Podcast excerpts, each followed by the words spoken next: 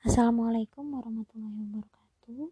Selamat datang di podcast mengenang bersama saya Linda Handayani.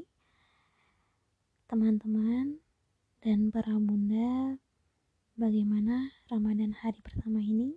Semoga dimudahkan ya dan semoga persiapan menuju berbuka puasanya lancar.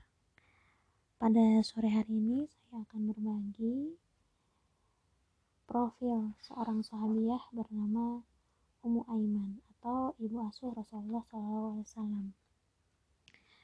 Dialah pengasuh Rasulullah SAW. Dialah ibu kedua bagi Rasulullah SAW, seorang sahabat yang ikut dalam berbagai peristiwa besar bersama Rasulullah. Ummu Aiman mengikuti semua tahapan kenabian pahit manis perjalanan Islam pada masa-masa awal telah ia rasakan.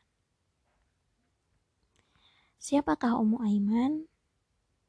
Ummu Aiman adalah wanita keturunan Habasyah. Budak, seorang budak yang diwarisi Rasulullah dari ayah beliau. Kemudian Rasulullah memerdekakannya ketika beliau menikah dengan Khadijah. Dialah yang mengasuh Rasulullah dia termasuk rombongan kaum muslim, kaum muslimin yang hijrah pada gelombang pertama. Nama aslinya adalah Barokah. Ummu Aiman adalah nama panggilannya karena anaknya bernama Aiman. Ummu Aiman ini uh, sudah menikah atau menikah dua kali dan memiliki dua anak dari dua pernikahan tersebut. Dua anaknya sangat cemerlang ya dalam sejarah Islam.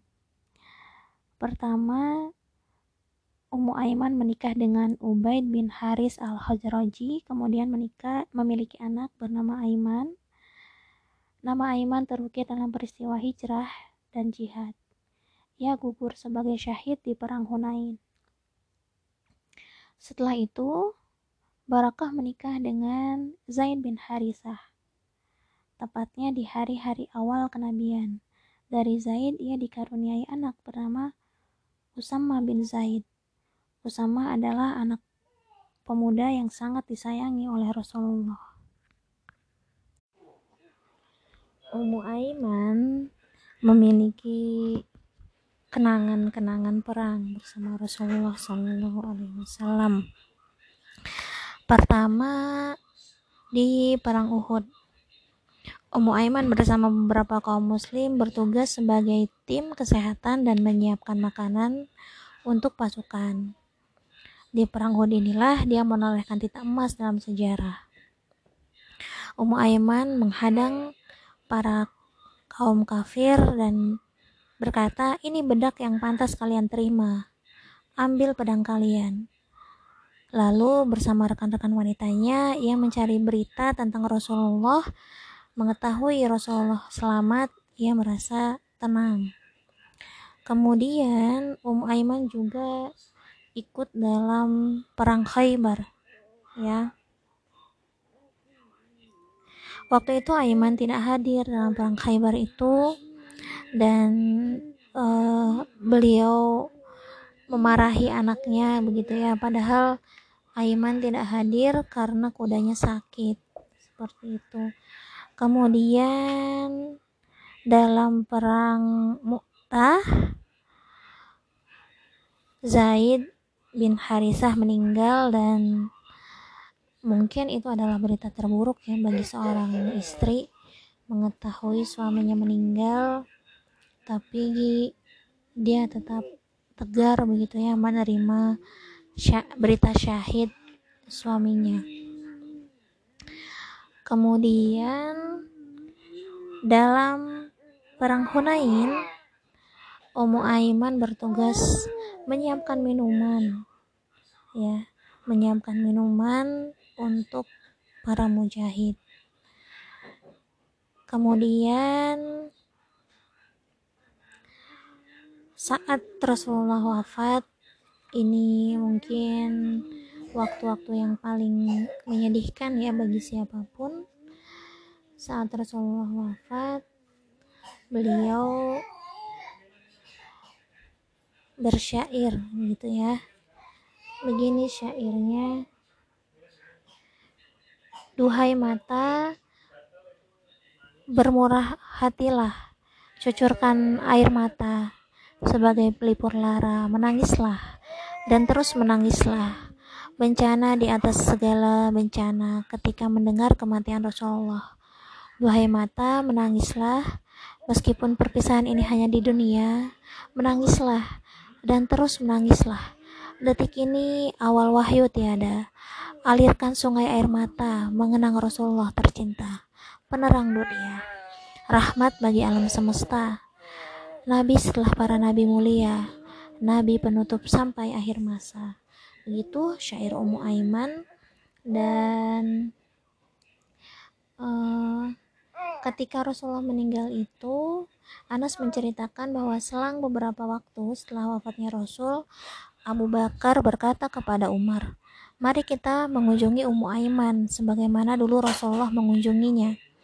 Ketika sampai di rumah Ummu Aiman mereka melihat Ummu Aiman menangis. Mereka bertanya apa yang membuat bunda menangis apa yang ada di sisi Allah lebih baik bagi Rasulullah. Ummu Aiman menjawab, Aku menangis bukan karena aku tidak tahu bahwa apa yang ada di sisi Allah lebih baik bagi Rasulullah. Akan tetapi, aku menangis karena sekarang tidak ada wahyu lagi, katanya begitu ya. Jawaban ini membuat kedua keduanya turut menangis. Mereka pun larut dalam tangisan. Begitu, kemudian saat wafatnya Umar pun Ummu Aiman menangis. Hari ini Islam Islam mulai lemah katanya begitu ya. Kemudian umur panjang yang dikaruniakan kepada Ummu Aiman sungguh sangat bermakna. Perannya terhadap perjuangan Islam tidak akan tidak akan tercatat tidak akan selalu tercatat dalam sejarah, namun setiap manusia pasti akan mati. Dan Ummu Aiman adalah ibunda kita. Pada masa pemerintahan Utsman, Allah memanggilnya untuk berkumpul dengan orang yang dicintainya, yaitu Rasulullah di surga. Beliau mungkin tidak selalu tercatat begitu ya karena waktunya sudah selesai begitu usianya terhenti. Tapi uh, saat ini kita mendengarkan kisah beliau. Kemudian kualitas seorang ibu itu kan terlihat ya dari cerita-cerita tentang anaknya begitu. Saya bacakan beberapa pernyataan-pernyataan sahabat tentang Usamah bin Zaid ya ini dari Abdullah bin Umar. Nabi mengirim satu pasukan dan mengangkat Usama bin Zaid sebagai pemimpinnya. Beberapa orang meremehkan kepemimpinannya. Maka Rasul bersabda, "Jika kalian meremehkan kepemimpinannya, berarti kalian meremehkan kepemimpinan ayahnya sebelum ini." Demi Allah, dia diciptakan untuk menjadi pemimpin. Dia adalah orang yang paling aku suka dan anaknya adalah orang yang paling aku suka setelah ayahnya. Kemudian Salmah bin Akwam pernah bercerita, Aku berperang bersama Rasulullah dalam tujuh perang dan bersama Zaid bin Harisah dalam sembilan perang. Rasulullah menjadikannya sebagai pemimpin kami, katanya begitu. Kemudian Ibnu Umar pernah bercerita, Umar memberikan kepada eh, Umar memberikan bagian kepada Usama bin Zaid lebih besar daripada bagianku. Maka aku menanyakannya. Dia menjawab, ini Umar ya yang menjawab. Dia lebih disayangi Rasulullah daripada kamu. Ayahnya lebih disayangi Rasulullah daripada ayahmu, katanya begitu ya. Bahkan Rasulullah pernah berkata, "Aku masuk surga dan disambut oleh seorang remaja putri. Aku bertanya, "Kamu milik siapa?" Dia menjawab, "Milik Zaid bin Harisah." Ceritanya sudah muncul ya di masa-masa Rasulullah. Begitu, itu saja dari saya.